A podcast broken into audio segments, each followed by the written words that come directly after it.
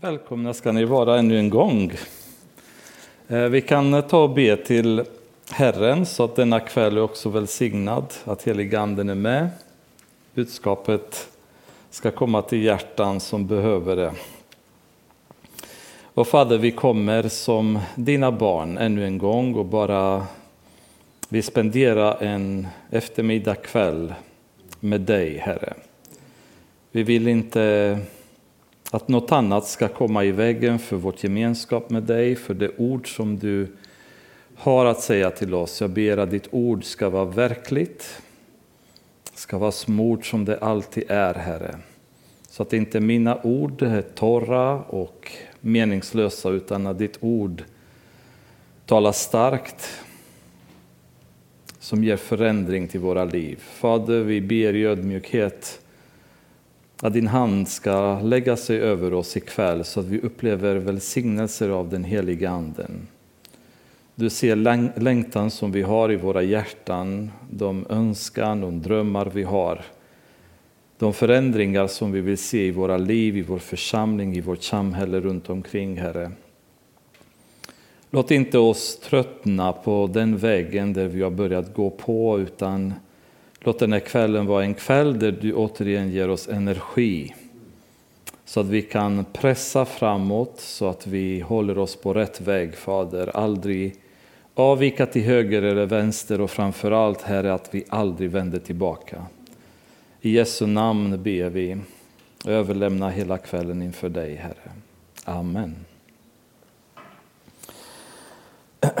Eh, kapitel 19 som vi avslutade förra gången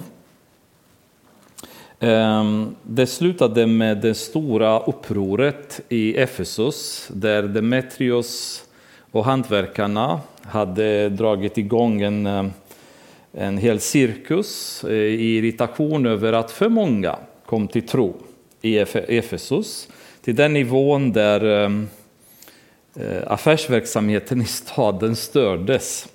Och vi hade en, en diskussion i eftermiddag hemma som Eh, fick mig att tänka lite i de banorna. Eh, Li Elise ställde frågan, vad är skillnaden mellan en väckelse och att många människor kommer till Jesus?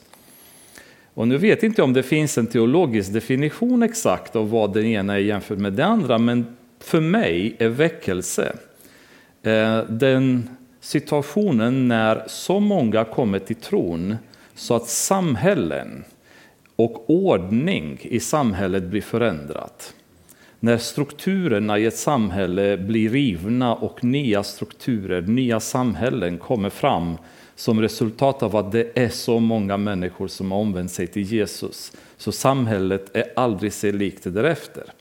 Och det vi ser har hänt i Efesos, eh, där så många människor har kommit till tron i den här väldigt stora staden. Så affärsverksamheten höll på att haverera och gå i konkurs. Ingen var intresserad av att köpa idoler längre. Och eh, Demetrius startade det upproret där en mobb samlas i arenan som omfattade ungefär 25 000 personer. Och i timtals eh, ropar de eh, sina praises till, eh, till gudinnan Diana Eh, många var där utan att ha en aning om varför de befann sig där. Eh, men det var en allmän stämning av uppror, av eh, irritation och ilska. Till slut borgmästaren i staden i princip lugnar ner dem och säger att de får vara lite försiktiga för det kan till och med vara olagligt det de håller på med. Romarna var ganska hårda när det gäller att romersk lag fick Eh, följas i de städer där ehm, de hade auktoritet som inte hade autonomi från romersk lag. Men det slutar i, eh, i den situationen då, ehm, då, då lugnade de ner sig därefter. Då. Och nu kommer vi in i kapitel 20 som börjar som en efterföljare av 19 med orden när oroligheterna hade lagt sig kallade Paulus till sig lärjungarna och tröstade och uppmuntrade dem. Sedan tog han farväl och begav sig till Makedonien. Så ehm, oroligheterna kanske gjorde så att Paulus förstod att så länge hans närvaro i staden fanns så kommer kyrkan få problem. Eh, så istället så bestämmer han sig att gå vidare på den resa som han egentligen hade ämnat att, att ge sig vidare på och lämna lärjungarna med att uppmuntra dem och trösta dem i den situation de befann sig. Och syftet nu är att gå vidare till Makedonien. Och Makedonien, kommer ni ihåg, så var han redan i andra missionsresa här uppe. Så han är nu på väg från Efesus inlandsvägen, förmodligen via Smyrna och Pergamum, eftersom vägen gick däråt och sen Troas och sen över till Makedonien via Filippi, precis som sin förra resa. Ehm, och Paulus ehm, hade verkligen många gånger den här inställningen av att tala uppmuntrande ord. Han hade gått igenom väldigt svåra situationer i sitt liv. Eh, han beskriver senare i kapitlet mer eller mindre att hela hans period i Efesos var full av motgångar från judar och tårar. Men han var ju hela tiden uppmuntrande gentemot de andra runt omkring sig. Han hade upplevt sin gemenskap med Gud på så vis så motgångarna var ingenting som knäckte honom. När han och Silas låg i fängelse, då satt de och sjöng där i fängelset efter de hade åkt ordentligt på stryk och satt i stockar. Det var det ingenting som, lät, som han lät påverka hans sinnesro och relationen med Gud. Och jag tror att det är den hemligheten som kanske en del av oss fortfarande behöver knäcka. Hur kommer vi till det tillståndet i våra liv där omständigheterna runt omkring oss inte knäcker vår själ längre. Vår kropp kan de knäcka och vi kanske blir skadade och vi blir bundna och vi har problem. Ehm, vi kanske har dåligt med pengar ekonomiskt sett på grund av förföljelse. Våra yttre omständigheter kanske påverkas väldigt mycket. Men hur kan vi få vår själ att mitt i allt detta finna ro och finna glädje och finna uppmuntrande ord så att vi kan till och med lyfta andra när vi själva befinner oss i den nöden som vi är i. David, när han beskriver sin vandring genom dödsskogans dal, beskriver vikten av att veta att Gud är med honom i dödsskuggans dal. Och det här medvetandet av Guds närvaro i våra liv är det som ger oss möjlighet att behålla en glädje i vår själ Eftersom vi vet att ingenting vi går igenom sker av misstag. Allting är tillåtet av Gud och allting finns det ett syfte med. Och Gud har lovat att han kommer aldrig lämna oss någon gång. Han dessutom har försäkrat oss om hans välsignelser eh, åtskilliga gånger.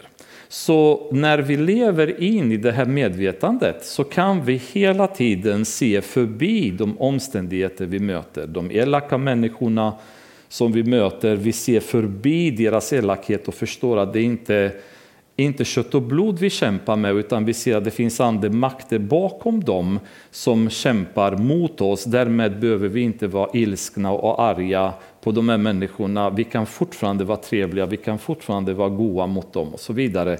Och den, de omständigheter som är tänkta att knäcka oss är tillåtna utav Gud utav en anledning, för att stärka oss kanske, eller för att lära oss ödmjukhet eller för att hjälpa oss att se synder som vi har haft i våra liv som inte har blivit omhändertagna och så vidare. Så Paulus hade kommit till den nivån där trots tiden som var tuff så var han uppmuntrande och tröstande för lärjungarna som förmodligen var bedrövade över den situationen som hade uppstått och, dessutom att han var tvungen att lämna. Men han tröstade dem och att han uppmuntrade dem. Mellan, eh, så nu är han på väg tillbaka till Makedonien och tanken är att besöka de församlingar som han redan etablerat i andra missionsresa. Men också ehm, enligt eh, det han skriver, vi kommer inte läsa texterna, men han skriver i Romarbrevet 15 kapitlet 25-27, första Korintierbrevet 16, 1-9, andra Korintierbrevet kapitel 8 och 9 beskriver han att han också på väg till Makedonien för att samla in hjälp för kyrkan i Jerusalem som var i finansiell nöd. De hade det tufft eh, i Jerusalem, de var fattiga och de led nöd. Så Paulus nu är på väg till Makedonien också för att göra en insamling för församlingen i Jerusalem. Permanent mellan de kristna judarna Ehm, och de hedniska, judan, eller de hedniska kristna så fanns det fortfarande en viss friktion där judarna hade svårt att acceptera hedniska kristna. De såg fortfarande lite annorlunda på dem, lite som andra klassens kristna. Och i Paulus eh, liv är permanent detta ett problem som man adresserar eh, i brevet till Galatien, Galatierna till exempel och många fler. Eh, Romarbrevet inte minst, vikten av att acceptera de hedniska kristna med lika värde som judiska kristna. Det fanns den här oacceptansen hos judarna som ansåg sig själva ändå vara de som förtjänade detta. Ehm, och det fanns hos Paulus också en tanke att med insamlingarna som hedningarna nu skulle göra, det skulle också vara ett sätt för dem att visa sin tacksamhet för att vi har blivit så att säga accepterade i, i Kristus tillsammans med judarna och likväl en möjlighet för judarna att se hur kristna hedningarna ställde upp för dem när nöden kom. Och det finns väldigt många teologiska eh, förklaringar till varför den här fattigdomen fanns i Jerusalem och det klassiska är Eh, Apostlagärningarna kapitel 5 när de i sån entusiasm när de kom till frälsningen hade sålt allt de ägde och delade med varandra. Men att allt eftersom tiden gick, eftersom de inte ägde någonting längre, så upplevde de armod och fattigdom. Vi vet inte om det är anledningen. Det är väldigt många som spekulerar och anser att det är orsaken till det. Jag vill personligen inte göra det för att vi har inget tydligt bevisade anledningen till att de var fattiga. Det kan ha varit något annat, det kan ha varit en eh, dåligt år eller dålig skörd. Vi vet ju inte det. Men poängen är att Paulus nu vill till Makedonien för att stärka församlingarna som han hade etablerat och samla in hjälp därifrån till kyrkan i Jerusalem, dit han ville väldigt gärna komma på pingstdagen. Mellan andra missionsresa och tredje missionsresa så har Paulus skrivit de två breven till Thessalonike, eh, till de kristna i församlingen där. Och det är väldigt intressant att ha det som bakgrund inför tredje missionsresa och veta vad är det som Paulus har skrivit till dem. Och varför skrev han de här två breven till den församling som bland annat nu kommer han besöka på nytt? Den församlingen hade varit väldigt ansatt. Om ni kommer ihåg när han var i Thessaloniki så var det hård förföljelse och han var mer eller mindre tvungen att fly därifrån till Berea på grund av att det var så hårt motstånd från judarna. Och eh, de hade fått stå ut med förföljelse ganska mycket under den perioden. Eh, mycket möjligt att en del hade redan dött på grund av förföljelsen eller naturliga orsaker också. Och det fanns ju flera eh, situationer som var jobbiga för församlingen. Dels att de, de hade det kämpigt eh, på grund av förföljelsen. Men stadens eh, sexuella omoral och leverne till viss del började prägla ett antal i församlingen också som kämpade med just de problemen. Eh, och likaså så var det ju ehm, det faktum att de hade missuppfattat lite grann vad det handlade kring Jesu andra tillkommelse. De trodde att de som hade dött kommer nu missa Jesu andra tillkommelse därför att de inte är vid liv. Så de sörjde och var väldigt bedrövade över att, för de trodde innerligt att Jesus skulle kunna komma vilken dag som helst. Och det är intressant också att genom världshistorien så har kristna i varje generation trott att Jesus skulle komma vilken dag som helst. Och jag tror att det är meningen att vi ska tro att Jesus ska komma vilken dag som helst så att vi är hela tiden redo. Vi är de där fem jungfruarna som alltid ska ha olja i lampan för vi vet inte när brudgummen kommer. Eh, och det gjorde de också. De trodde att Jesus skulle komma. Och det var inte bara de i Thessaloniki, det var faktiskt många i den tidiga församlingen som trodde på att Jesus verkligen skulle komma vilken dag som helst.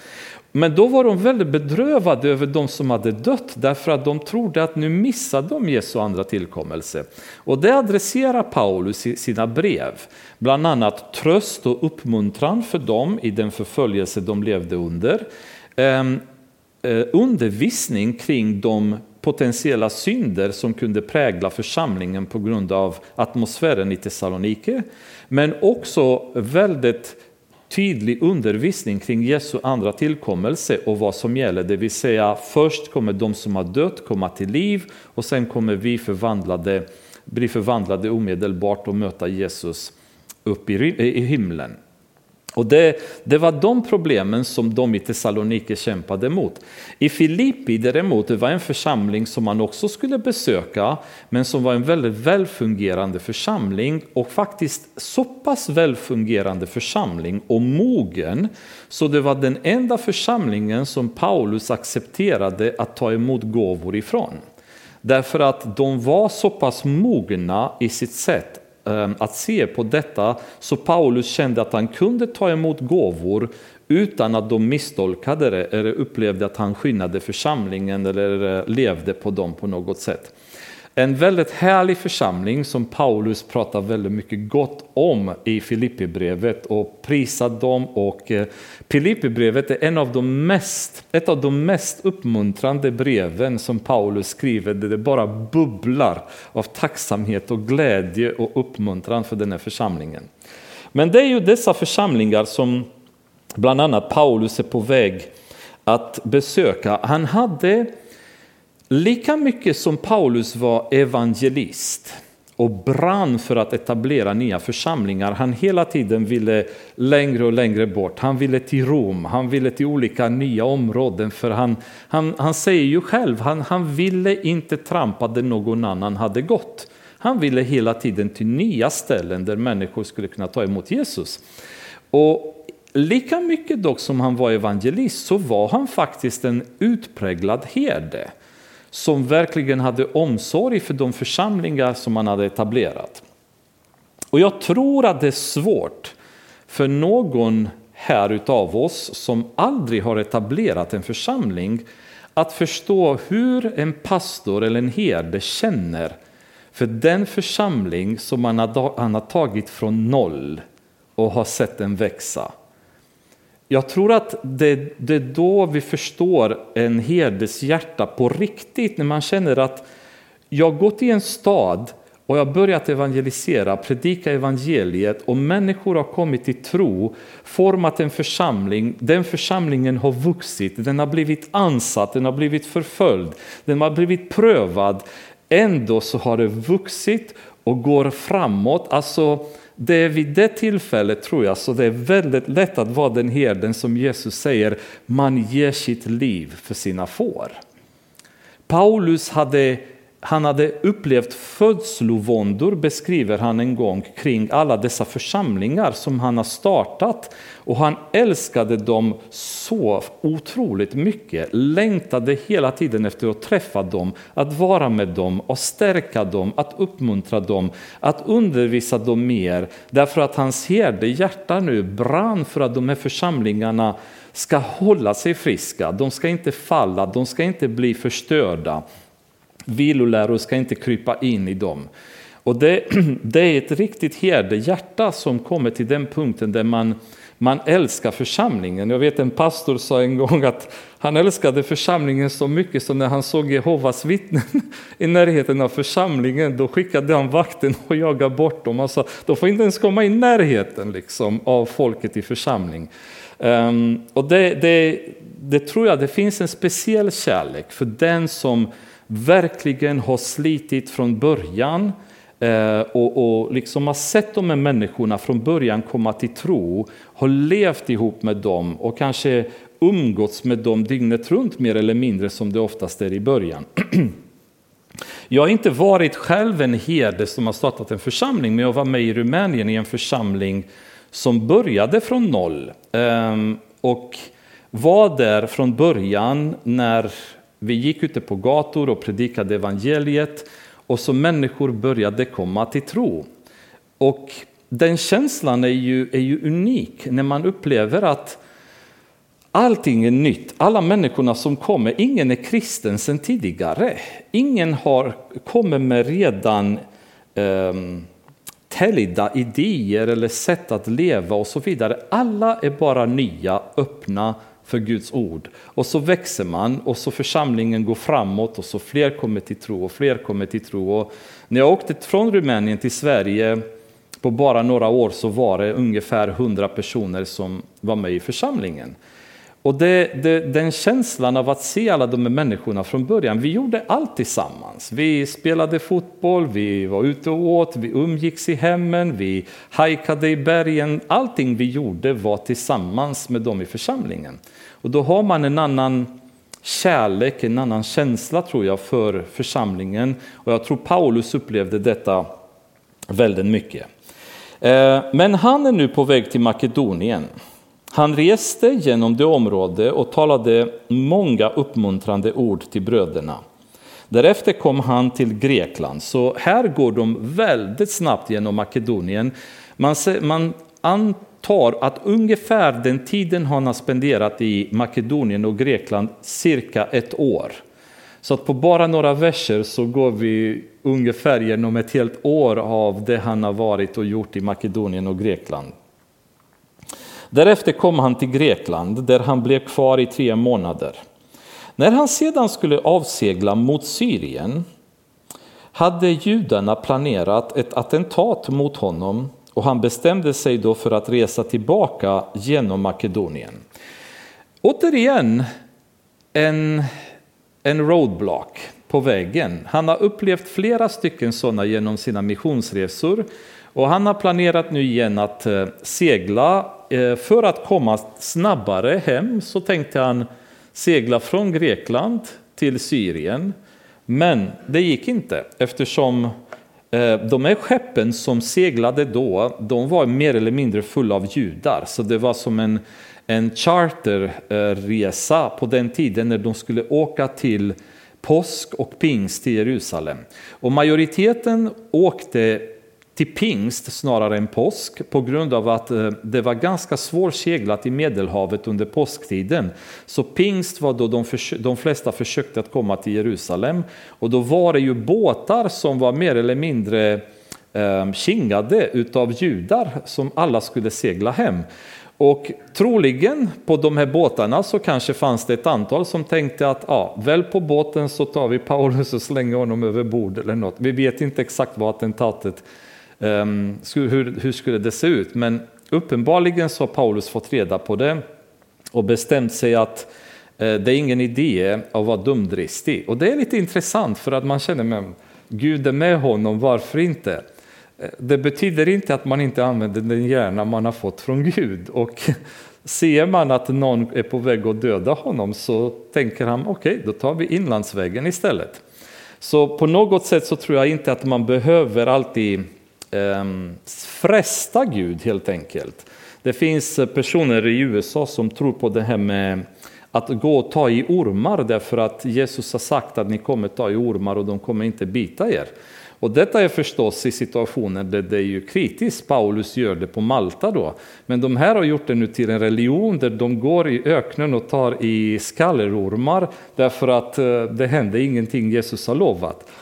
Eh, onödigt att säga ett antal av dem dör då, men eh, det, varför de har kommit på det där kan man bara undra. Men man, han, han tänker inte eh, riskera helt enkelt att bli dödad i onödan utan tar inlandsvägen och bestämde sig att gå tillbaka genom Makedonien. Med honom följde Sopater Pyrhusson från Berea, Aristarkus och Sekundus från Thessalonike. Vidare Gaius från Derbe och Timoteus. Timoteus vet vi var från Derbe också. Samt Tychicus och Trofimus från Asien. Så det är en skara medarbetare helt enkelt som har varit med honom och följer med honom vidare. Men dessa reste i förväg och väntade på oss. Och nu kommer pronomen igen som talar om för oss att Lukas också var med. Han nämner sig själv aldrig, men nu säger han dessa reste i förväg och väntade på oss eh, i Troas. Medan vi själva seglade ut från Filippi efter det osyrade brödets högtid. Fem dagar senare träffade vi dem i Troas där vi stannade i sju dagar. Den första dagen efter sabbaten var vi samlade eh, för att bryta brödet. Ehm, Den första dagen efter sabbaten eh, talas också om i eh, första Korintierbrevet 16 kapitlet när Paulus pratar om att de skulle göra en insamling den första dagen efter sabbaten.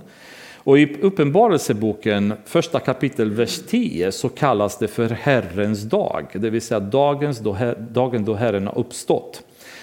Och man anser, eller man tror att eh, det är ungefär Eh, vid den här tiden i Apostlagärningarna då kristna började träffas på söndagen, framför allt de hedniska kristna. Många av de judiska kristna de träffades många fortfarande på sabbaten i synagogan. Men att väldigt många hedniska kristna hade börjat träffas på söndagen och fira mer söndagen som kyrkodagen eller kan man säga gemenskapens dag som vi gör idag. Och det är ju fortfarande debatterat kring detta. Är det sabbaten som gäller? Är det söndagen som gäller? Vilken dag är det som gäller? Och frågar man sjundedagsadventisterna eller till och med sjundedagsbaptisterna då säger de att det måste vara sabbaten därför att det är ju beordrat av Gud i Gamla Testamentet. Eh, medan övriga kristna är mer att eh, följa detta och säga men vi träffas på söndag eftersom det är dagen då Jesus har uppstått och det är det vi firar i våra träffar. Ehm, jag tror att det är ganska enkelt besparat om vi läser i Romarbrevet 14 kapitlet.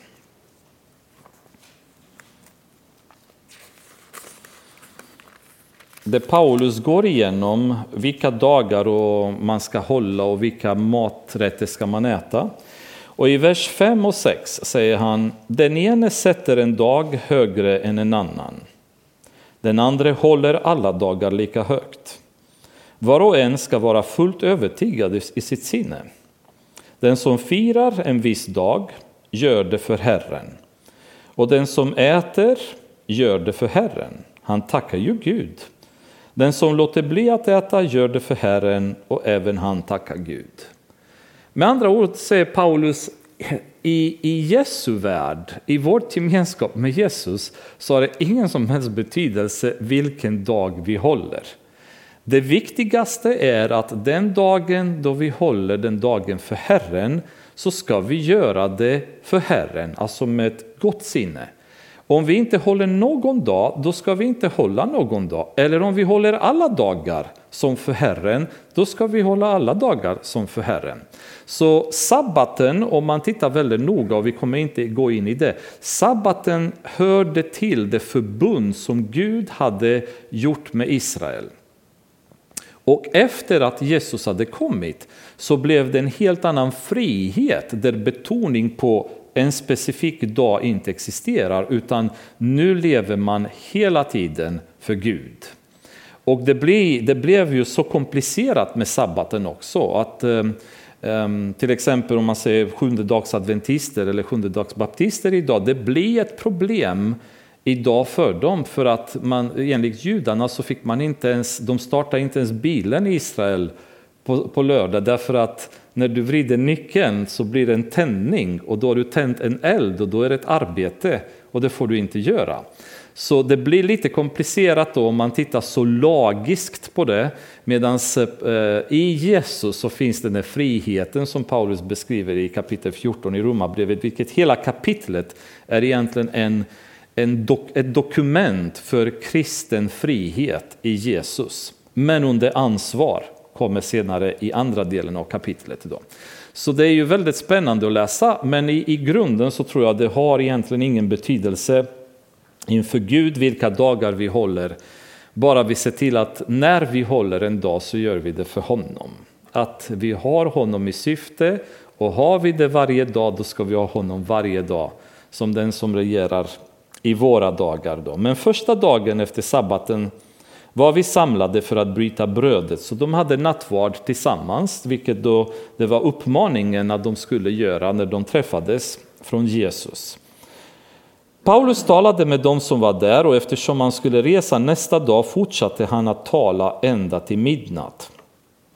Det fanns många lampor i rummet på översta våningen där vi var samlade. I fönstret satt en ung man som hette Utikus. Han föll i djup sömn när Paulus talade så länge och i sömnen föll han ner från tredje våningen.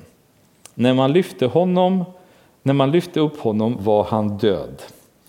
När jag läser det här så kan jag säga att jag är tacksam att en del möten som jag suttit på har inte varit på tredje våningen och jag har inte suttit i fönstret. För det finns ett antal möten genom mitt kristna liv där jag har somnat på. Och det har inte alltid haft att göra med att predikanten inte var bra, utan vissa perioder av mitt liv har jag varit mer eller mindre kroniskt trött. Även här i kyrkan har Carolina fått putta på mig ett, ett antal gånger eh, när det har varit bara så trött så jag har somnat på mötet. Så jag är tacksam att jag, att jag inte suttit på, på tredje våningen i ett fönster. Men eh, Lukas nämner att det var många lampor, så förmodligen all värme, kanske rök, långt tal. Ehm, killen var trött så somnade han och föll från, från, från fönstret och dog. Men Paulus gick då ner, böjde sig över honom och tog honom i sina armar och sade, var inte oroliga, hans själ är kvar. Därefter gick Paulus upp igen och bröt brödet och åt. Han fortsatte att tala länge, ända till gryningen och gick sedan vidare. De förde hem den unge mannen levande och de blev mycket uppmuntrade. Ehm, så en, en, ett litet intermezzo i, på kvällen där, där Paulus återigen visar hur Gud använde honom. Och Eutikus, Eutychus som vaknar tillbaka till liv och de tar med honom hem med glädje allihopa. Och alltså i de trakterna när de är ledsna, det hörs. Alltså skriken och, och, och, och gråten när någon dör, det, det hörs långa vägar. Så Paulus säger till dem, behöver inte vara oroliga. Och så åker de därifrån och är jättejublande glada allihopa. Men det, det som är spännande, det är ju, jag fastnar lite grann vid det här längden under vilken Paulus talar. Och jag vet inte om ni någonsin har varit med, men jag suttit i sammanhang på möten när man bara känt, nej, är det redan färdigt? Alltså när man sitter på, när, när en talare är andefylld och man får Guds meddelande, tiden bara flyger förbi. Man vill inte därifrån. Man vill inte hem till att titta på tvn, laga mat, läsa tidningen, ta dagliga sysslor. Man vill bara vara där. Man vill inte därifrån. Den känslan som Petrus hade när de var på berget med Jesus, han sa bara, kan inte vi bygga några hyddor så stannar vi kvar här. För atmosfären bara var så gudomligt härlig där så han ville inte därifrån. Och det, det är ju spännande, man, man brukar säga när väckelserna var igång att många predikanter kunde tala i tre, fyra timmar och folk satt ju fortfarande kvar och ville inte gå hem. Eh, när, när helige anden rör och törsten finns hos folket och tar emot eh, budskapet, då är inte tiden lika besvärlig längre. Eh, för vissa. Andra somnar och då blir det som det blir. Då. Men, men det är ändå spännande att se. Och ehm, jag tror att ju mer vi kommer till den punkten när Gud börjar ta över våra liv, kontrollera våra liv, styr våra liv och skapar ett hunger efter hans ord, desto mer kommer vi trivas att vara här i församlingen. Församlingen kommer bli det vi kommer göra. Man sitter hemma, rullar tummarna, nej men jag går till kyrkan. För det är alltid någon där, vi kan prata, vi kan umgås, vi kan lyssna på någons, Eh, vad de har kommit fram till, vad som helst som händer. Och det är härligt med de församlingar som har den här inställningen där eh, kristna umgås kring församlingen eller med varandra i olika former. Det finns ett hunger efter Guds ord.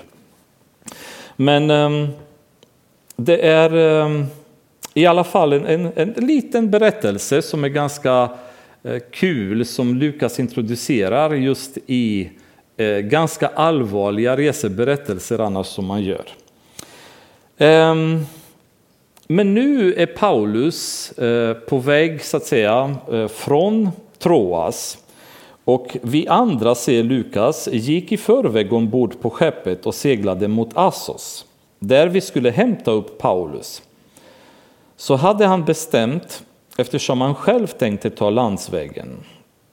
Så snart han mötte oss i Assos tog vi honom ombord och kom sedan till Mytilene. Därifrån seglade vi ut nästa dag och nådde fram i höjd med Kios.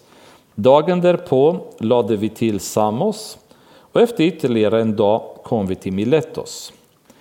Paulus hade nämligen bestämt sig för att segla förbi Efesos för att inte bli uppehållen i Asien. Han skyndade vidare för att om möjligt kunna vara i Jerusalem på pingstdagen. Så han hade ju varit tre år i Efesos ändå. Nu kommer han tillbaka efter ungefär ett år i Makedonien och Grekland. Men han vill verkligen hinna med pingstdagen och kunna komma till Jerusalem så han väljer att segla förbi Efesus men stannar i Miletus. Från Miletus, vers 17, skickade han bud till Efesus och kallade till sig församlingens äldste. När de var framme hos honom sade han till dem Ni vet hur jag har levt hos er hela tiden från första dagen jag kom till Asien. Ehm, jag har tjänat Herren i all ödmjukhet under tårar och prövningar som mötte mig genom judarnas intriger. Det vi läser om Efesos det är att Demetrius hade skapade det stora upproret. Men Paulus säger här att under tårar och prövningar har han tjänat under de år han har varit i Efesos. Så det kan inte bara varit enstaka problem han råkade ut för där, utan hela hans tid i Efesos kantades av motgångar och mycket, mycket kämpiga tider där mycket tårar fick han fälla. Och vi pratar om en man som var andligt väldigt stark, men han grät mycket. Och eh, det är inte många missionärers ögon som är torra. Väldigt många missionärer, när man läser om de som har varit på missionsfältet, om John Hyde i Indien, Hudson Taylor i, i Kina, um, John Bunyan, um, William Brahman. Många av de här läser man om dem, det är mycket sorg, mycket smärta, mycket tårar. I motgångar, i hunger, i nöd, i förföljelse. Um, en missionärs ögon är oftast fulla av tårar. Och oftast är de ensamma och kämpar väldigt mycket på egen maskin. I länder där kulturellt är annorlunda än det de är vana vid, där deras nära och kära inte finns, deras församlingstrygghet som de har vuxit upp i inte existerar längre, utan de är ensamma och de kämpar och det är mycket, mycket tårar. Men det, det, är de tårarna som man brukar säga, det är de som vattnar missionsfältet. Det är från de tårarna som många människor kommer till frälsning. Och eh, jag tror för vår del, när vi pratar om väckelse och vi vill se människor komma till Jesus, då är det frågan hur mycket tårar fäller vi för samhället runt omkring? Hur mycket menar, alltså hur allvarligt menar vi att vi bryr oss om människorna runt omkring oss? Och syns det i de tårar vi fäller för de människor som är runt omkring oss? Kommer vi i vår andliga kamp till en så hård prövning när vi, vi svettas blod så som Jesus har gjort? När vi möter Satans murar och arméer som vi kämpar för att riva sönder till den punkten då andliga trycket är så hårt så vi upplever att vi bara bryter ihop i tårar inför Gud och ber honom om nåd och hjälp. För jag tror att när vi kommer till den punkten när omsorgen, när längtan, när kärleken för dem runt omkring oss blir så påtaglig så tårarna bara rinner varenda gång vi tänker på dem. Det finns möjlighet till öppningar. Det finns möjlighet till att de här tårarna börjar vattna och började komma upp rötter. Och det växer runt omkring oss. Och Paulus i tre år beskriver den perioden som en väldigt hård period full av prövningar i tre år. Mycket tårar på grund av judarnas intriger. Men han säger också att han har tjänat Herren i all ödmjukhet. Och det är kanske så att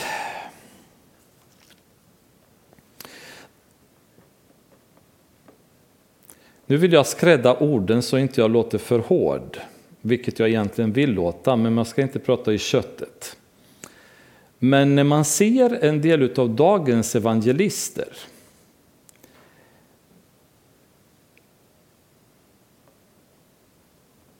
man ser väldigt, väldigt lite tårar i deras stora propagandamaskiner, häftiga tv-program och sändningar.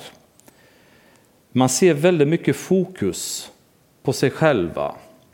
Ehm, jag tror väldigt många inledde sin, sitt arbete i församlingar eller för Gud med ödmjukhet. Men speciellt i moderna samhällen när man får en så enorm exponering, både lokalt men även nationellt och internationellt, när Gud börjar verka genom en person, är så extremt svår att hantera. Så väldigt många börjar så småningom anse sig själva förtjäna den uppmärksamhet, till exempel som Monica pratade om i morse, att man förtjänar att bli behandlad på ett visst sätt, att man är en person av vikt. Um, hans, ens ansikte syns på alla postrar i tv-program. Um, och man får inte den här känslan av att de här människorna är brutna för evangeliet längre. Utan känslan är att det har blivit en slags business evangelistisk värld. Men Paulus säger, jag har kämpat i ödmjukhet. Och ödmjukheten är så avgörande för att vi ska överhuvudtaget kunna bli använda av Gud, för han har ingen som helst nytta av en person som får äran själv. Det kvittar vem man är. Den dagen där någon av oss tar Guds plats, då har, vi, då har han ingen nytta av oss i evangeliets arbete. Då, då, är vi obrukbara, därför att han måste alltid få äran. Jesus måste alltid få äran. Till och med helige andens hela arbete, det är att få fram Jesus. Att han syns, att han hörs, att han hela tiden är den som styr. Så när en person kommer till den punkten där man tar för mycket uppmärksamhet, man syns för mycket, man hörs för mycket, då börjar man få problem. Och det är inte, inte rätt. Jag tror att vi ska vara väldigt försiktiga när vi blir brukta utav Gud, att hela tiden söka ödmjukheten. Ehm, nu tycker inte jag, tack och lov, att Pingstförsamlingen Stöpen är en, ett problem, en problematisk församling på det sättet. Ehm, ibland nästan att folk förstå mig rätt, för ödmjuka här. Liksom. Man skulle känna att flera skulle våga mer framåt i Gud, alltså på ett andligt sätt, inte i egen kraft och egen maskin. Men ibland så kanske krävs det lite mer känsla av att i Jesus så kan vi, så att man inte är rädd för att träda fram eller steppa upp och så vidare. Men, men när man ser internationellt så ser jag det här som ett väldigt stort problem.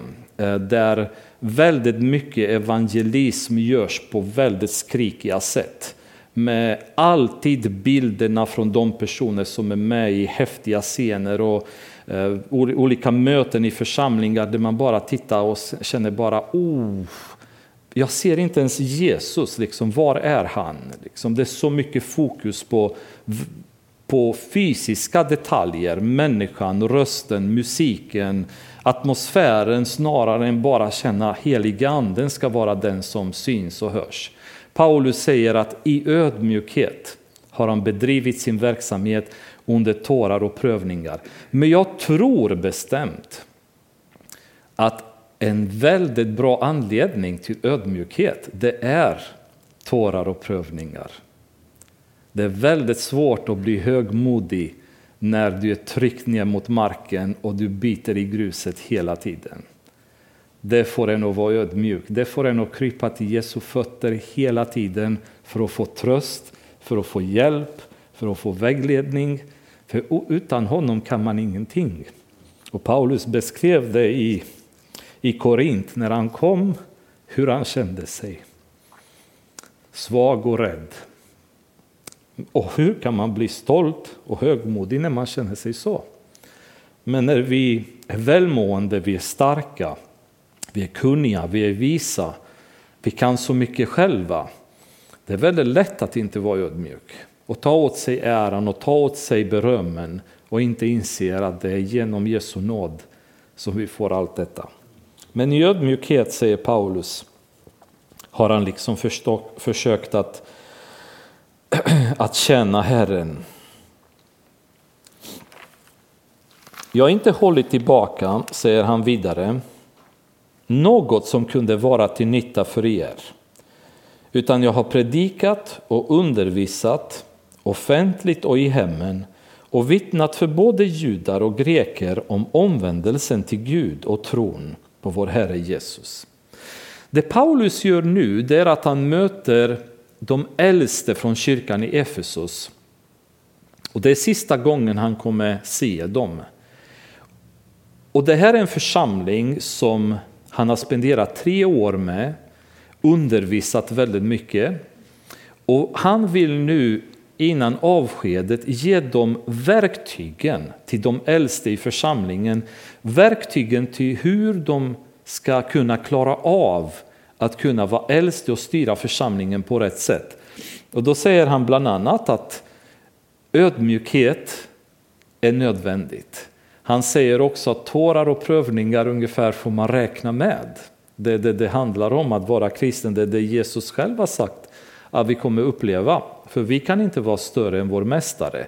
Och har de förföljt honom, då kommer de förfölja oss. Vi kan inte förvänta oss något annat som kristna.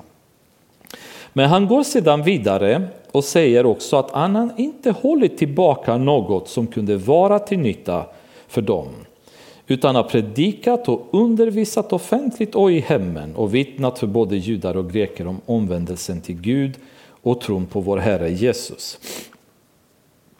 Um, han har varit hela tiden aktiv i att evangelisera och undervisa i alla former han har kunnat. Vi vet att han var i Tyrannus eh, eh, hall där han var och undervisade, men han säger också att han gjorde det i hemmen. Han gjorde det i synagogan i början på sitt besök i Efesus. Och det intressanta är att Paulus, han, han kom inte till Efesus som en diplomat. Någon som ska försiktigt och diplomatiskt försöka att få in evangeliet in i staden.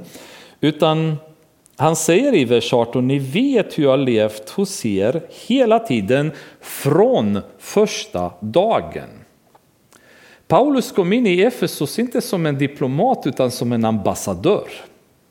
Han hade ett budskap, han hade ett meddelande som Gud hade gett honom och det meddelandet det tänkte han ta och predika om. Och här säger han, jag har inte hållit tillbaka någonting.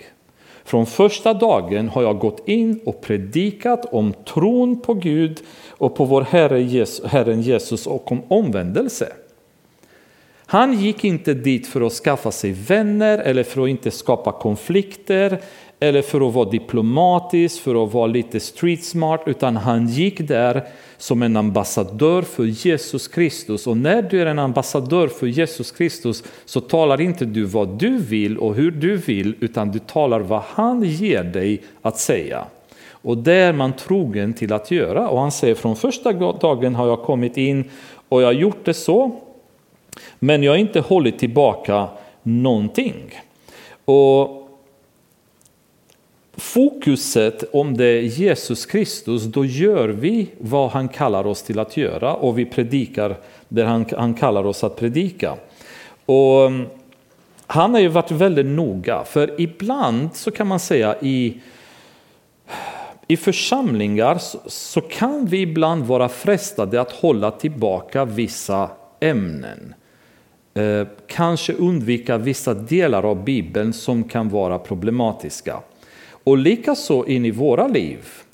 Har ni tänkt att om ni någon gång har ett problem med en viss synd så undviker ni att läsa, eller i alla fall, jag ska inte tala om er, jag ska tala om mig. Jag undviker att läsa de bibeldelar som tydligt talar emot den synd jag har.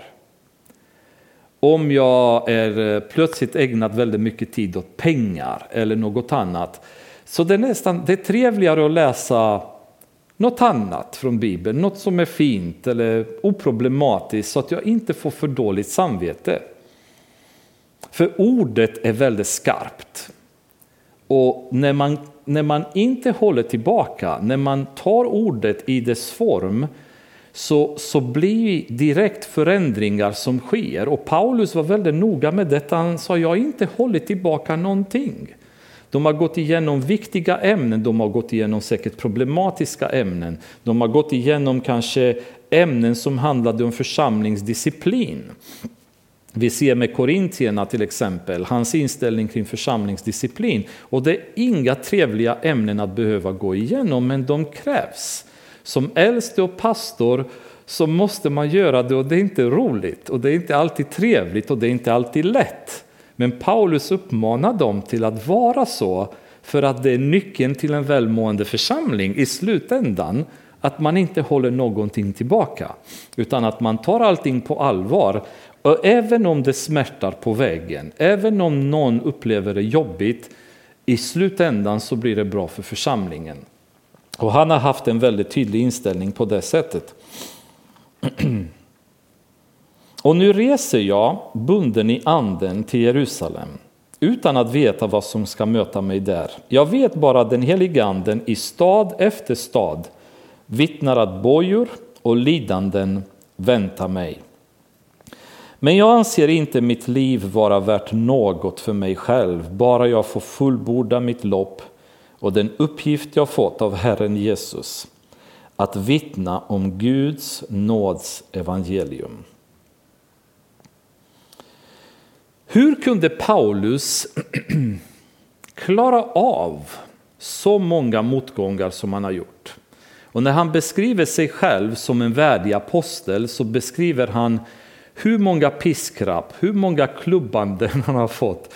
Eh, fängelser, stormar på havet, Ehm, suttit i, ehm, eller blivit stenad i Lystra och så vidare. Och flera situationer som vi inte ens läser om i Apostlagärningarna men som han beskriver att han har gått igenom. Hans kropp måste ha varit ett enda stort sår från topp till två. Alltså att, bli, att tre gånger få 40 piskrapp. Förstår ni hur hans rygg såg ut? Alltså det kan inte ha varit en, ett uns av frisk hud på den, den ryggen efter att han har fått så mycket piskrapp. Plus att han har blivit klubbad, plus att han har blivit stenad och fängslad och torterad åtskilliga gånger. Och hur klarar Paulus allt detta? Hur var det möjligt för honom att fortfarande pressa vidare med, på det sättet som han har gjort? Och hemligheten i detta är att han ansåg inte sitt liv vara värt någonting. Han hade redan dött. Han hade dött den dag och det här är någonting jag aldrig kan prata utan tårar i ögonen. När Jesus träffade honom på väg till Damaskus, då dog Paulus.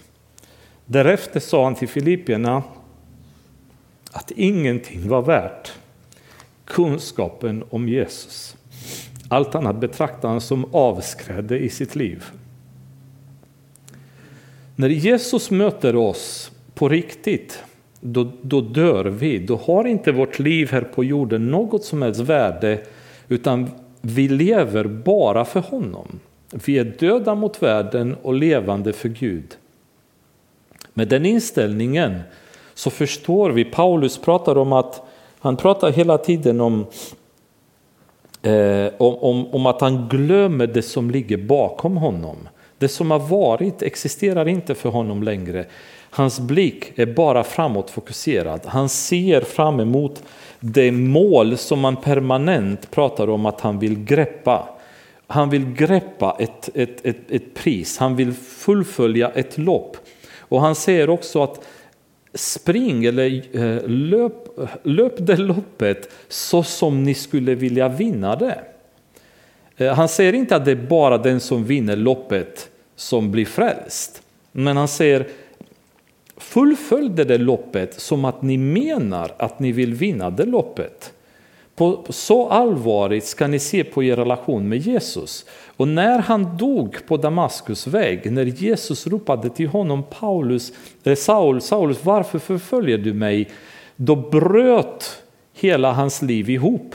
Och då, då möter han Jesus och han blir förändrad. Och i hans relation med Jesus dessutom så vet han att det här livet har inget värde längre. Desto mer säger han att han längtar ju till himlen men för församlingens skull så är han kvar. Fick han välja då skulle han definitivt vilja vara med Jesus. Och inte glömma bort att han är ju den som har i kroppen eller utanför kroppen som man säger vet vi inte blivit tagen upp till himlen och sett dessutom vad som väntar honom. Så varför skulle det här livet vara viktigt längre?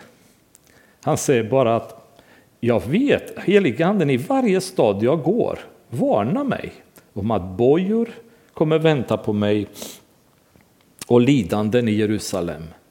Men vad spelar det för roll? För jag har gett mitt liv till Jesus redan. Jag bryr mig inte om bojor och lidande. De har ingen makt över mig längre. Utan mitt liv tillhör Jesus och jag lever det för honom. Och jag tycker att det är ju så underbar inställning att ha och jag tycker att det är ju det är ju det här området som man känner att man önskar kunna ha i sitt liv. Jag tror att det är den typen av liv, om vi kommer fram till det är väldigt många av våra grannar, arbetskamrater som kommer se det i oss. Att vi inte bryr oss längre. Utan att vi bara ser, ser glädjen som väntar på oss framöver i himlen. Jag anser inte mitt liv vara värt något för mig själv, bara jag får fullborda mitt lopp och den uppgift jag fått av Herren Jesus och det är att vittna om Guds nåds evangelium. Det enda han brann för, att predika evangeliet. Ve mig, säger han på ett annat ställe, om jag inte predikar evangeliet. Det är det enda som gäller. Dessutom Guds nåds evangelium. Paulus är Guds nåds predikant. Romarbrevet, Galatierbrevet, det är bara en explosion av Guds nåd. Efesiebrevet, ni är inte frälsta genom gärningar utan genom tron så att ingen ska kunna skryta. Han permanent betonar vikten av Guds nåd. Det är genom nåd vi är frälsta. Vi har inte förtjänat detta. Och kristendomen är enda religion i världen som säger att du behöver inte göra någonting för att bli frälst, du behöver bara tro. Och den tron leder till omvändelse i ditt liv och det räcker. Och Paulus brinner för att just predika om Guds nåds evangelium. Och nu vet jag att ni aldrig mer kommer att se mitt ansikte, alla ni som jag har gått omkring hos och predikat riket för. Därför betygar jag idag för er att jag inte är skyldig till någons blod, för jag har inte tvekat att förkunna för er hela Guds vilja och plan. I Hesekiel kapitel 3 säger Gud till Hesekiel när han kallar honom, eh, börjar med vers 17. Människobarn, jag har satt dig till väktare för Israels hus. När du hör ett ord från min mun ska du varna dem från mig. När jag säger till den ogudaktige du ska dö och du inte varnar honom och inte säger något för att varna den ogudaktige för hans ogudaktiga väg och så rädda hans liv, då ska den ogudaktige dö i sin missgärning, men jag ska utkräva hans blod av din hand. Men om du varnar den ogudaktige och han ändå inte vänder om från sin ogudaktighet eller sin ogudaktiga väg, då ska han dö i sin missgärning, men du har räddat din själ. Gud kallar Hesekiel till att predika till de som levde i synd och tala om för dem hur de levde. Och Paulus säger här, jag betygar idag för er att jag inte är skyldig till någons blod. Jag har, säger han därefter, inte tvekat att förkunna för er hela Guds vilja och plan. Hela Guds vilja och plan. Vad är Guds vilja och plan? Vilken är det? Den här är Guds vilja och plan. Allting finns i den här boken. Skrivet, utandad utav heliga anden. Skrivet för att uppmuntra, för att trösta, för att uppbygga, för att leda till frälsning. Och Paulus säger, jag har inte tvekat att dela med er hela Guds vilja och plan. Jag tror att det är svårt att säga att man har förkunnat hela Guds vilja och plan om man inte har gått igenom hela Bibeln. Jag tror det är väldigt viktigt för församlingar att ta hela Bibeln på allvar, från första Moseboken till sista Uppenbarelseboken. För vartenda ord är lagt där utav Gud med en mening. Vi kan inte skippa något, vi kan inte undvika något, utan vi måste se hela Guds vilja och plan. Och det är Paulus uppmuntran nu till de äldste att ta det här på allvar. För han säger att jag har gjort det och mina händer är rena. Jag är inte skyldig om någons blod för jag har talat om för er alla vad Guds vilja och plan är. Om någon inte har följt det, då är det deras val. Men ingen kan anklaga mig att jag inte förklarade. det. Ingen som kommer till pingstförsamlingens stöpen ska kunna säga, men det här visste inte jag. Det här har ingen sagt till mig. Varför har ni inte undervisat detta? Varför har vi inte vetat detta? De som kommer till den här församlingen ska få höra hela Guds vilja och plan så att inför Gud ingen av oss ska kunna stå och känna att vi har någon blod på våra händer. Utan alla har hört Guds vilja och plan. Sen är det upp till var och en om man tar det här på allvar och lever efter det eller om man struntar i att följa det som finns här. Men jag är därför eh, väldigt, väldigt stark anhängare av att predika vers för vers genom hela Bibeln. Ingenting ska lämnas åt sidan. Man kommer gå igenom tuffa ämnen, man kommer gå igenom svåra ämnen, man kommer gå igenom besvärliga ämnen och man kommer hamna i ämnen som man inte ens har en aning om man kommer säga. Och då får man bara säga Gud, om du inte säger till mig något, då går jag vidare till nästa för jag kan inte säga något annat. Men det är väldigt viktigt att vi tar Bibeln på allvar. För Obadja eller Ester eller Nehemia eller Hosea, de är lika viktiga som Johannes, som Petrus, som Uppenbarelseboken. Ingen bok är lagd där av en slump utan det finns en röd tråd. Det är svårt att förstå Nya Testamentet om vi inte studerar Gamla Testamentet och tvärtom. Väldigt svårt att förstå Gamla Testamentet utan Nya Testamentet.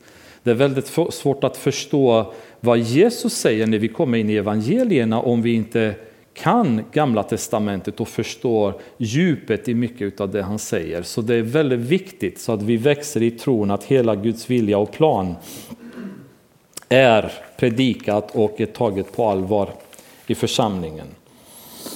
Ge akt på er själva och hela den jord där den helige anden har satt er som ledare till att vara herdar för Guds församling som han har köpt med sitt eget blod. Här är ju en väldigt, väldigt eh, härlig dimension som egentligen tror jag till nästan vem som helst ger nästan så här kalla kårar. För Paulus säger, glöm inte att den här församlingen är det som Jesus har gett sitt liv för. Ha det i åtanke när ni styr församlingen att det här är Jesus församling som man själv har gett sitt liv för. Det blir en helt annan dimension. Vem, vem vill vara äldste? Eh, jag är tacksam att några av er är, för jag, när jag läser det här så blir jag skräckslagen inför vilken otrolig uppgift det är att ta hand om, om Guds församling som Jesus Kristus har dött för. Man kan inte skämta om detta, man kan inte nonchalera detta utan man måste ta det på allvar. Jesus sa till Petrus, älskar du mig? Och Petrus svarar ja och då säger Jesus, mata mina får. Mata mina får. Det är väldigt viktigt, viktig kallelse att göra det. Jag vet, säger Paulus, att när jag lämnat er ska rovlystna vargar tränga in bland er och de kommer inte att skona jorden. Jo, bland er själva ska män träda fram som förvränger sanningen för att dra över lärjungarna på sin sida. Var därför vakna och kom ihåg att jag i tre års tid, natt och dag, aldrig har slutat förmana var och en av er under tårar. Han vet vad som kommer hända när han åker iväg. Det blir vargar i fårakläder som kommer in i församlingen. Och det är väldigt intressant. Jag vet inte om ni har tänkt på det någon gång. Men när Jesus i Uppenbarelseboken tilltalar kyrkan i Efesus, vad säger han till dem? Han säger så här, kapitel 2, vers 2. Jag känner dina gärningar, ditt arbete, din uthållighet jag vet att du inte kan tåla undan människor och här kommer det. Du har prövat dem som kallar sig apostlar men inte är det och du har funnit att de är lögnare. Vad underbart! Paulus förmanar dem här och säger tänk att det kommer att komma vargar. Och Jesus sen en lång tid därefter genom Johannes säger jag har sett att ni har gjort det bra. Ni har avslöjat de som var falska, ni har avslöjat de som var lögnare. Och det är så härligt att se att de här äldste har tagit sin uppgift på allvar och sköt om församlingen så de har vuxit till en frisk församling som har kunnat identifiera viloläror som kommit in, avslöjat falskhet från äkthet och varit en frisk församling. Med undantag för att Jesus säger till dem bara i i eh, Uppenbarelseboken 2, men jag har en sak emot dig och det är att du förlorat din första kärlek. Men i övrigt så är det väldigt mycket beröm som Jesus har för församlingen i Efesus. Och Paulus uppmanar dem att vara vakna och förstå, för det kommer hända.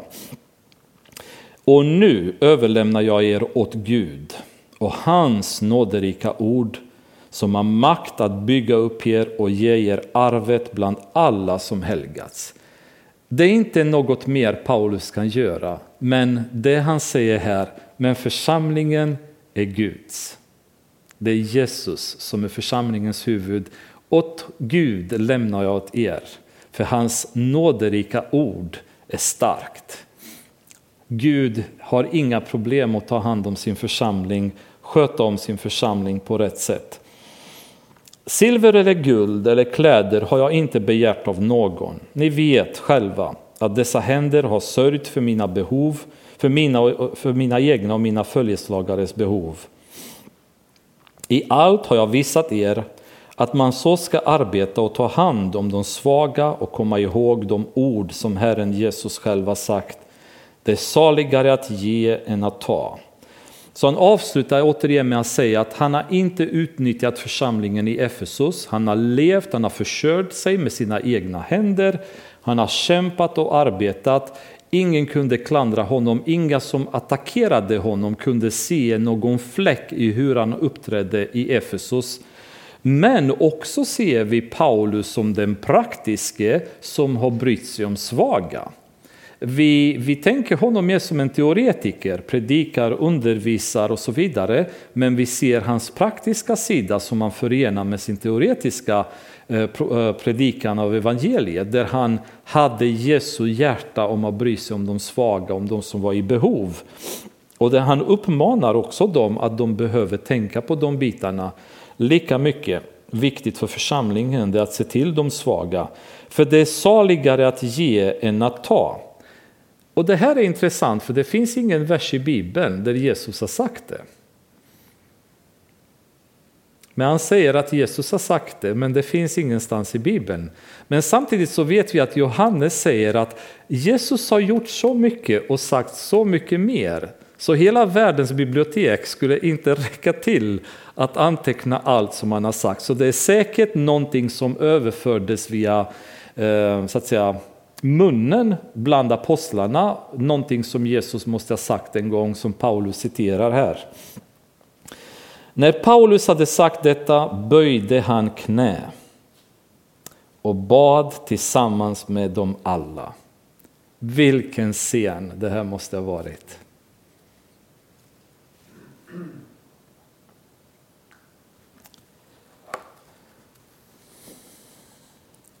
De brast alla i gråt, och det gör jag med, och omfamnade Paulus och kysste honom. Det som smärtade dem mest var att han sagt att de aldrig skulle se hans ansikte mer. Så följde de honom till skeppet. Och nästa kapitel åker han till Jerusalem, därefter till Rom. Och sen kommer han dö.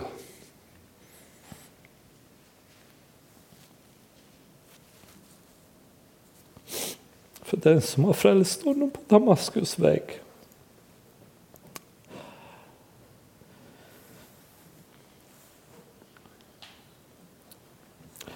En här, ett härligt exempel för oss att följa. En församling som verkligen älskar, som bryr sig om varandra, som det finns ett djup i relationen med Gud. Må Gud välsigna oss så att vi blir en sån församling. Där äkta kärlek finns, där vi bryr oss om varandra. Och vi kan tillsammans böja knän med varandra, överlämna varandra i Guds händer och trösta varandra med hans ord. Åh Fader, jag bara ber att du ska välsigna den här församlingen med så mycket mer av dig, Herre.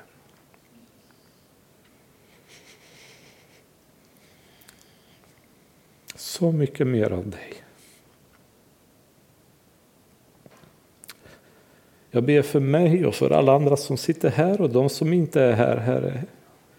Och låt oss verkligen, verkligen Räkna allt som avskrädde jämfört med kunskapen av att ha dig, följa din vilja och vara, utnyttjad, vara nyttjade av dig, Herre Jesus.